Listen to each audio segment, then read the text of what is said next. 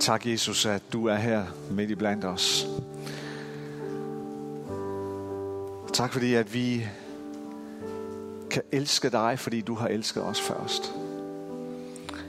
Og tak fordi vi står under dit nådige blik hver eneste dag. Tak fordi der er ikke noget sted, hvor vi kan løbe hen, hvor, dit, hvor dine øjne, hvor dit nådige blik ikke kan se os og ikke kan rumme os. Og tak fordi du er midt i blandt os lige nu ved din hellige ånd.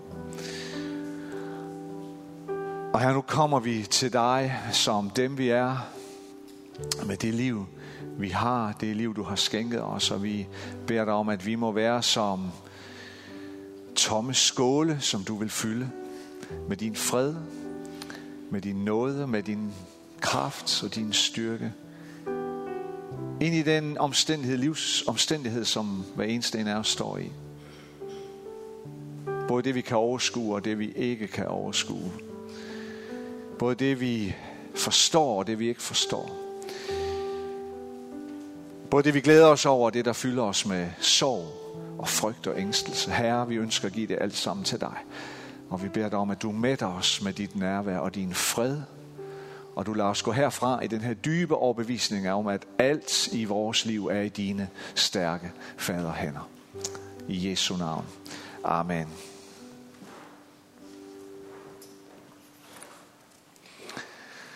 Vi slutter vores, den her prædikenserie, som vi har haft igennem seks søndage.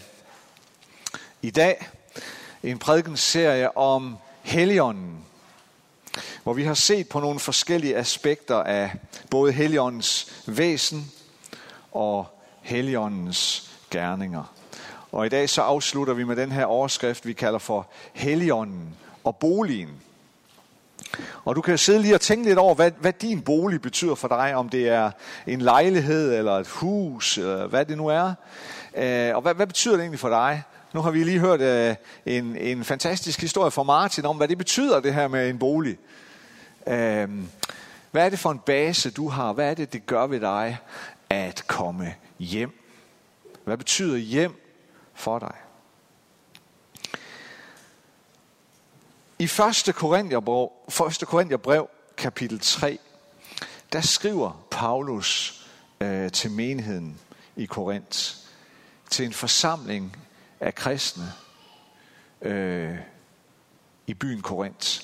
Han skriver sådan her. Ved I ikke, at I er Guds tempel, og at Guds ånd bor i jer? Hvis nogen ødelægger Guds tempel, skal Gud ødelægge ham. For Guds tempel er helligt, og det tempel er I. Det er stærke ord, det er lidt voldsomme ord. Ord, der kalder på et stort ansvar hos os. Så meget tror jeg, at vi kan forstå i hvert fald. Øhm, templet og tempelbegrebet er centralt for jøderne. Øh, det var det i hvert fald. Det ser vi igennem det gamle testamente. Øh, og øh, det ser vi også i det nye testamente. Øh, og der er jo en grund til, at Paulus kan tale om templet, og det er fordi, at det har en betydning. Det har en, øh, det, det har en historisk forankring, og det ved Paulus. Det starter, da israelitterne vandrede i 40 år igennem mørkenen, øh, efter at være blevet befriet fra slaveriet i Ægypten, og vandrede igennem mørken på vej mod det land, som Gud havde lovet dem. En vandring, der egentlig kunne overstås på ganske få uger, men som kom til at tage 40 år. Og øh, derude i ørkenen, så giver Gud jøderne, israelitterne, øh, på et tidspunkt besked om, at de skal bygge et kæmpe, lave et kæmpe stort telt. Åbenbaringsteltet. Som er sådan et, øh, skal vi kalde det mobilt tempel. Øh, som de kan fragte med sig igen mørkenen. Som de kan sætte op. Og som øh, de så kan bruge, så kan de pakke det ned igen øh, efterhånden som vandringen skred fremad, og den skred langsomt fremad, det øh, tror jeg, vi kan forstå. Og i det her åbenbaringstelt skal de jo så opbevare øh, blandt andet øh, pagtens ark, øh, arken, som blandt andet indeholdt lovens stentavler, som Gud gav øh, Moses på Sinai bjerg. Det var ligesom det første, skal vi sige, tempel. Det første rigtige tempel, det blev opført under ledelse af kong Salomo øh, på sådan omkring øh, på 900-tallet øh, før Kristus. Øh, et prægtigt tempel. Og det blev ødelagt af babylonerne cirka 500 år senere, da det babylonske rige øh, fuldstændig overløb øh, Israel. Og øh, det blev genopført efter eksilen. Og så blev det igen ødelagt af romerne omkring år 70 efter Kristus. Øhm. men templet for jøderne er jo langt mere end en bygning. Det er langt mere end en fysisk bygning. Fordi templet er der, hvor Gud er, sagde jøderne. Templet er der, hvor Gud har taget bolig. Jøderne sagde om templet, at templet er der, hvor himmel og jord mødes. Hvor det himmelske, det guddommelige og det jordiske, det menneskelige, det mødes. Det er i templet. Så de, de siger sig selv, at templet derfor er et meget, meget vigtigt, afgørende og meget helligt sted for enhver jøde på den tid. Og templet var også stedet for tilbedelse og bøn. Det var der, hvor man kom for at tilbede Gud, for at bede, for at frembære sin lovprisning, men også sine ønsker, sine behov. Al glæde og al smerte bringes til templet. Og derudover så er templet også centrum for, for, for de jødiske offersystem. Hele offerkulten. Det var til templet, at jøderne bragte af sine afgrøder, af sine dyr, og bragte det til præsterne, for de skulle på folks vegne ofre det, de nu kom med, som en, både en taksigelse og en tilbedelse og en bøn om tilgivelse til Gud.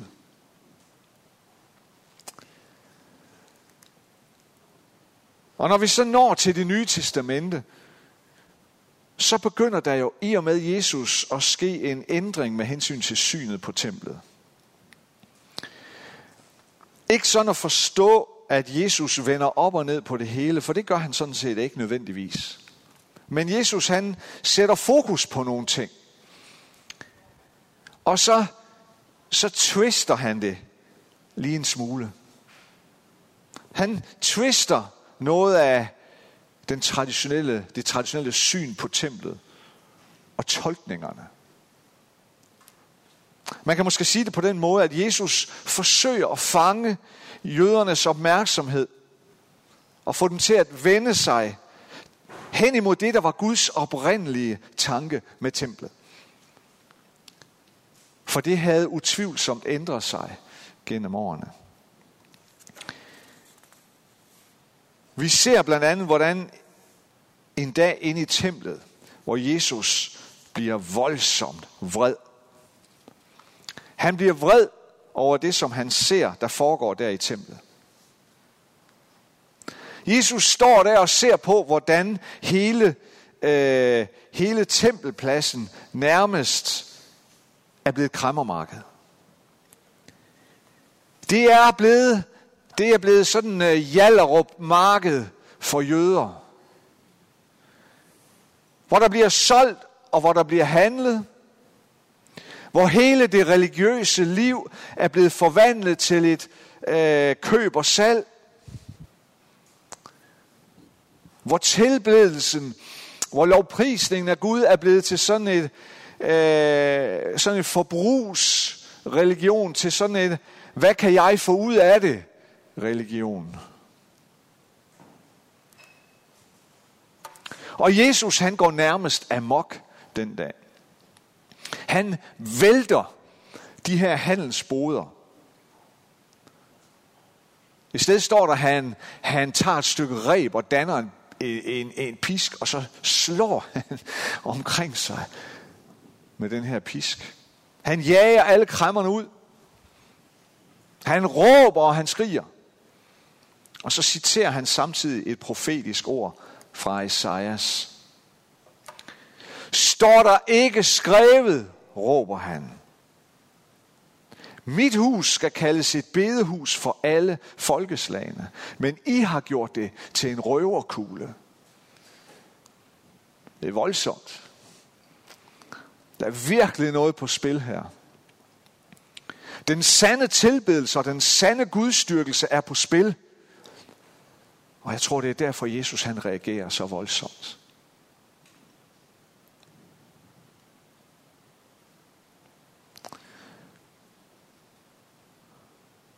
Og et andet sted, hvor Jesus så igen twister jødernes forståelse for templets betydning. Det ser vi. I noget, det, det er faktisk noget, der sker sådan lige bagefter det her, hvor han gik amok ind i templet og væltede alle bordene. Og hvor han igen pådrager sig jødernes vrede. Det sker lige umiddelbart efter.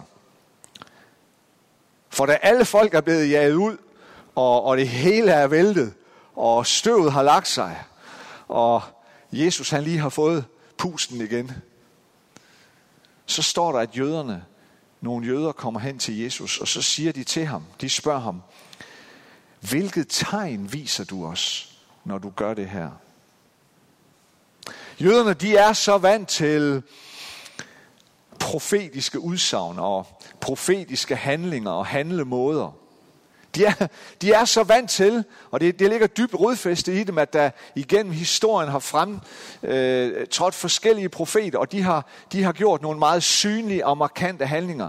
De er så vant til at, at, at, at lytte til det, og at det sker. Så det er derfor, de spørger ham, Jesus, hvad er det, hvad er det for et tegn, du viser os, når du gør det her? Så deres opmærksomhed bliver vagt.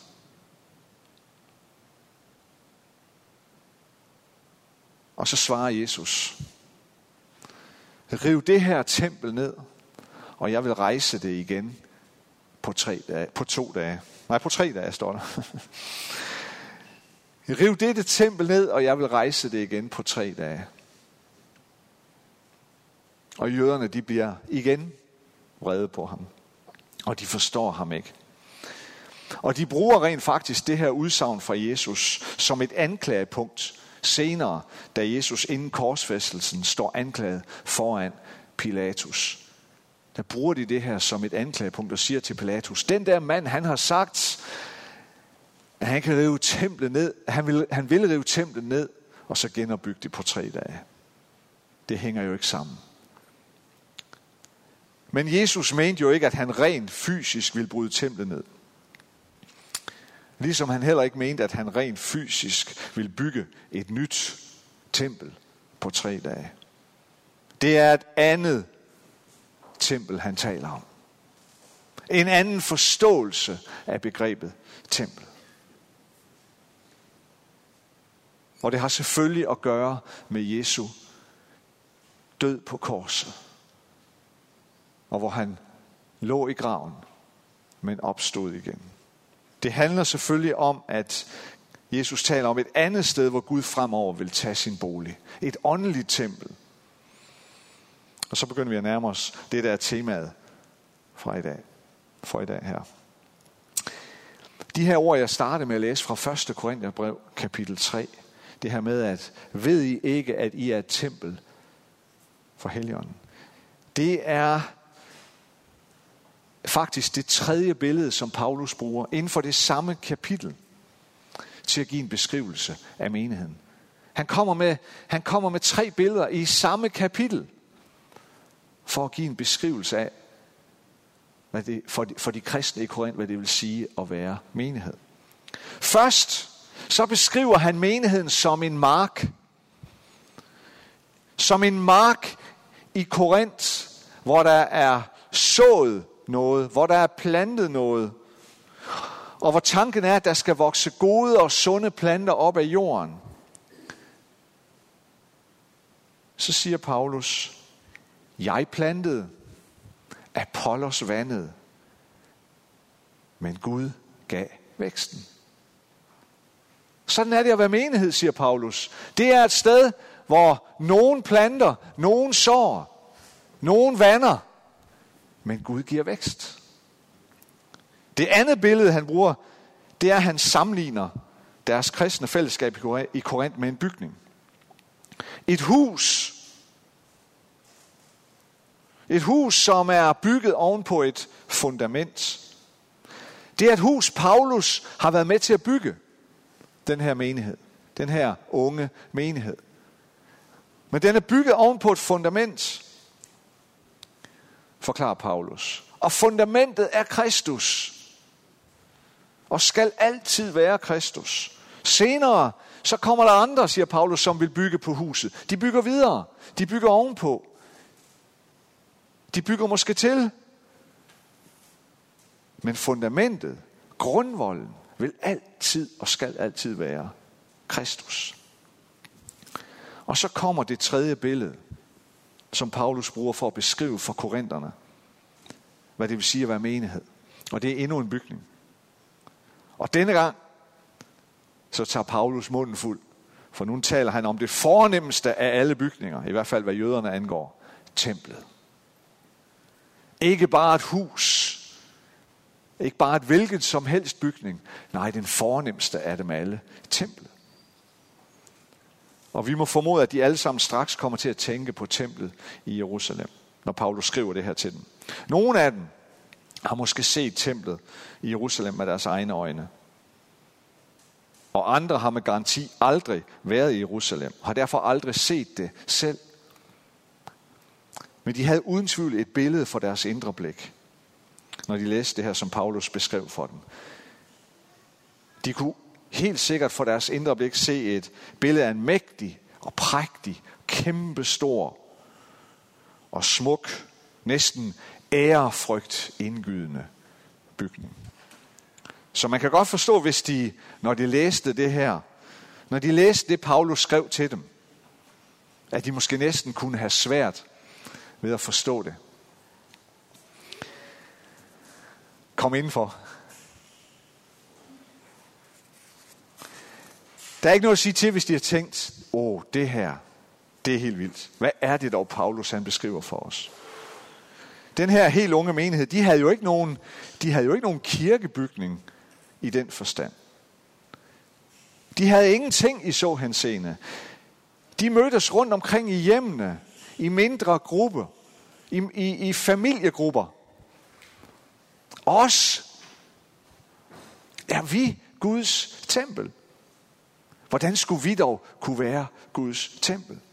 Hvordan skal vi kunne sammenlignes med den mægtige bygning, som står så langt væk i Jerusalem? Men det er sådan, det forholder sig. Og Paulus vil virkelig understrege, at nu er menigheden i Korinth og menigheden generelt Guds tempel. Fordi Guds ånd har taget bolig i enhver kristen. Guds ånd er udgydt over alle mennesker, forsikrer Bibelen os om. Det var det, der tog sin begyndelse på pinsedagen. Men mere end det, mere end at Helligånden er udgydt over alle mennesker. For når et menneske vender om til Gud, når et menneske giver sit liv til Jesus, så tager Helligånden bolig i det menneske. Så Helligånden bor i hver enkelt troende. Individuelt. Men Paulus understreger altså her, at Helligånden også har taget bolig i det fællesskab af troende, som vi kalder for kirken. Menigheden. Derved så bliver menigheden Guds tempel. Der hvor Gud er, der hvor Gud bor. Og det har intet med mursten eller en fysisk bygning at gøre.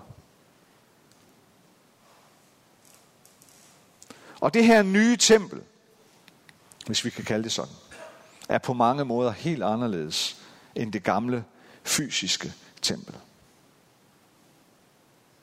Men samtidig så er der altså også nogle kendetegn ved det gamle tempel, som vi ikke må glemme, og som overføres til det nye tempel på en måde.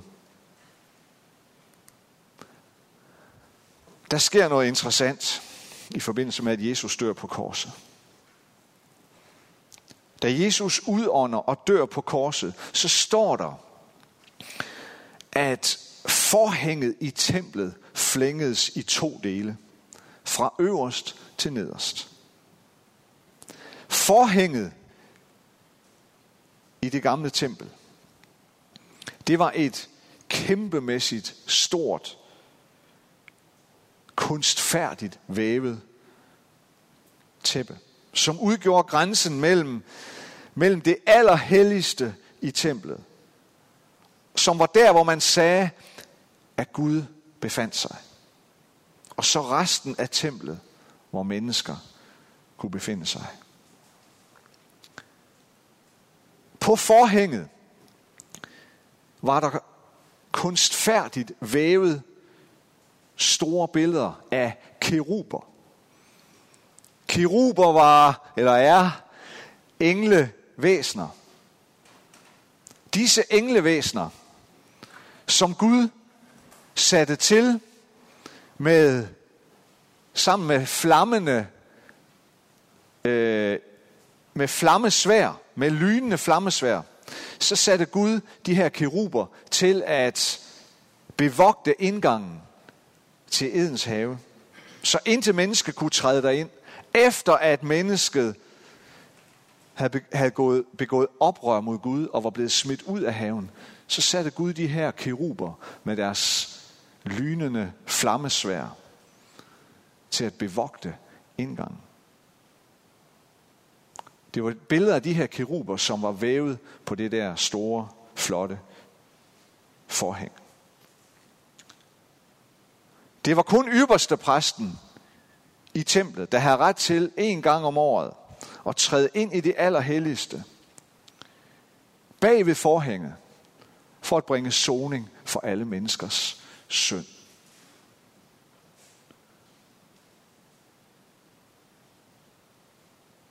Og han havde et stykke reb bundet om sig, så de kunne trække ham ud, hvis han døde af at være i Guds umiddelbare nærhed.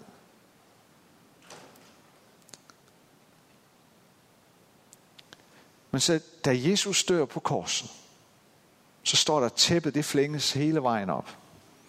Så er det for at sige, at nu er vejen banet for mennesker ind til Guds umiddelbare nærhed. Nu kan alle træde ind. Nu er der ikke brug for en præst eller en anden mellemmand mellem mennesker og Gud. Og en anden ændring, der sker, det er jo også hele offertanken, offersystemet, som templet jo ellers var stedet og garanten for. Bibelen giver beskrivelsen af Jesus som Guds offerlam. Jesus er nu det offrede lam, som bærer hele verdens synd op på korset. Din og min synd har Jesus sonet. Derfor er forhænget flænget, og adgangen til Gud er banet. Så hele offersystemet behøves ikke længere. Og så dog alligevel. Paulus skriver sådan her til menigheden i Rom. Så formaner jeg jer brødre ved Guds barmhjertighed til at bringe jeres læmer som et levende og helligt offer, der er Gud til behag. Det skal være jeres åndelige gudstjeneste. Og tilpas jer ikke denne verden, men lad jer forvandle ved at sindet fornyes, så I kan skønne, hvad der er Guds vilje, det gode, det som behager ham, det fuldkommende. Paulus, han udfordrer og han opfordrer os til stadigvæk at bringe et offer. Men nu er det ikke dyr eller afgrøder i den forstand. Men offret er os selv. Det er dig selv, og det er mig selv.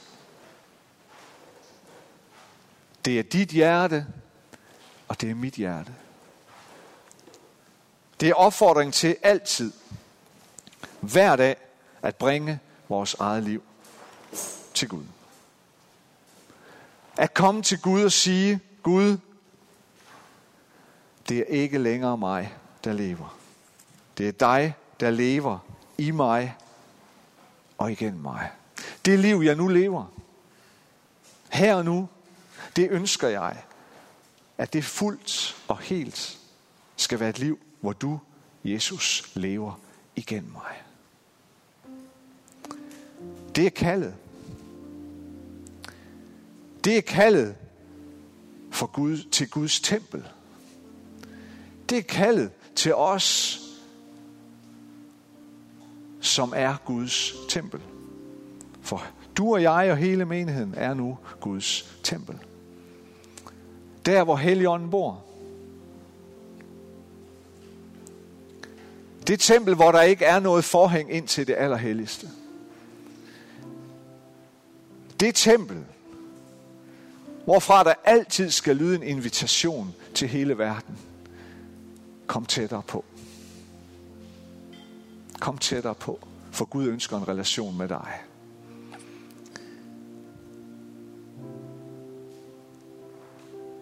Der udfordrer Gud os. Der udfordrer Gud sit tempel, sin menighed, til at vi hver dag bringer os selv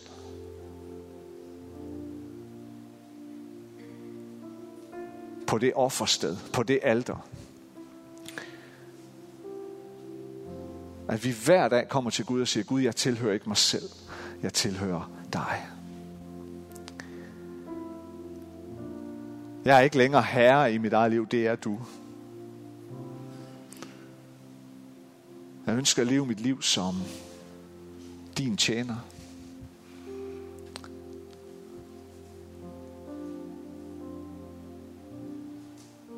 Og det er der, hvor Jesus så hver dag kommer og siger til os, jeg kalder jer ikke længere tjener, jeg kalder jer venner. Men vejen ind i det venskab, det går tjenervejen. Det er den vej, hvor vi hver dag kommer til ham og siger, jeg vil give mig selv til dig.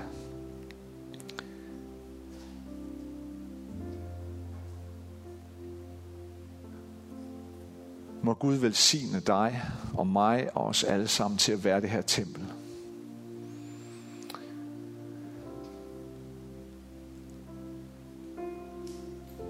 Og hvor vi tør bringe os selv i spil.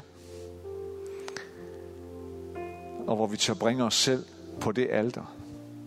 Det her nådens alter.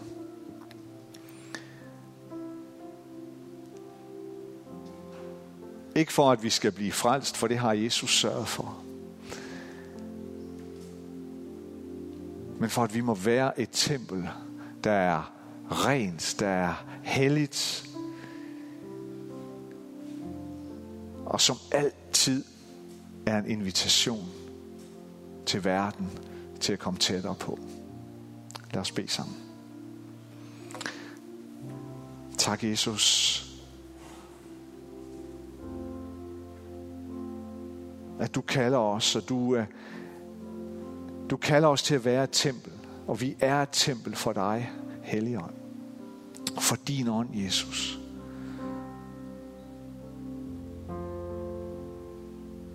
Og så beder jeg om, Herre, at vi må få noget fra dig til at, at være et tempel, som, hvor det ikke handler om køb og salg. Hvor det ikke handler om, hvad jeg får ud af det.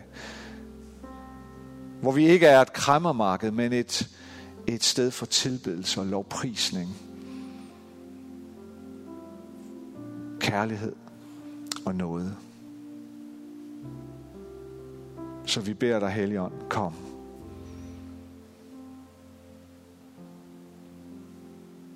Kom, Helligånd. Mere af dig.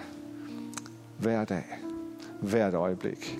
I vores liv og i vores fællesskab i vores by, i vores land og i vores verden. I Jesu navn, vi beder. Amen.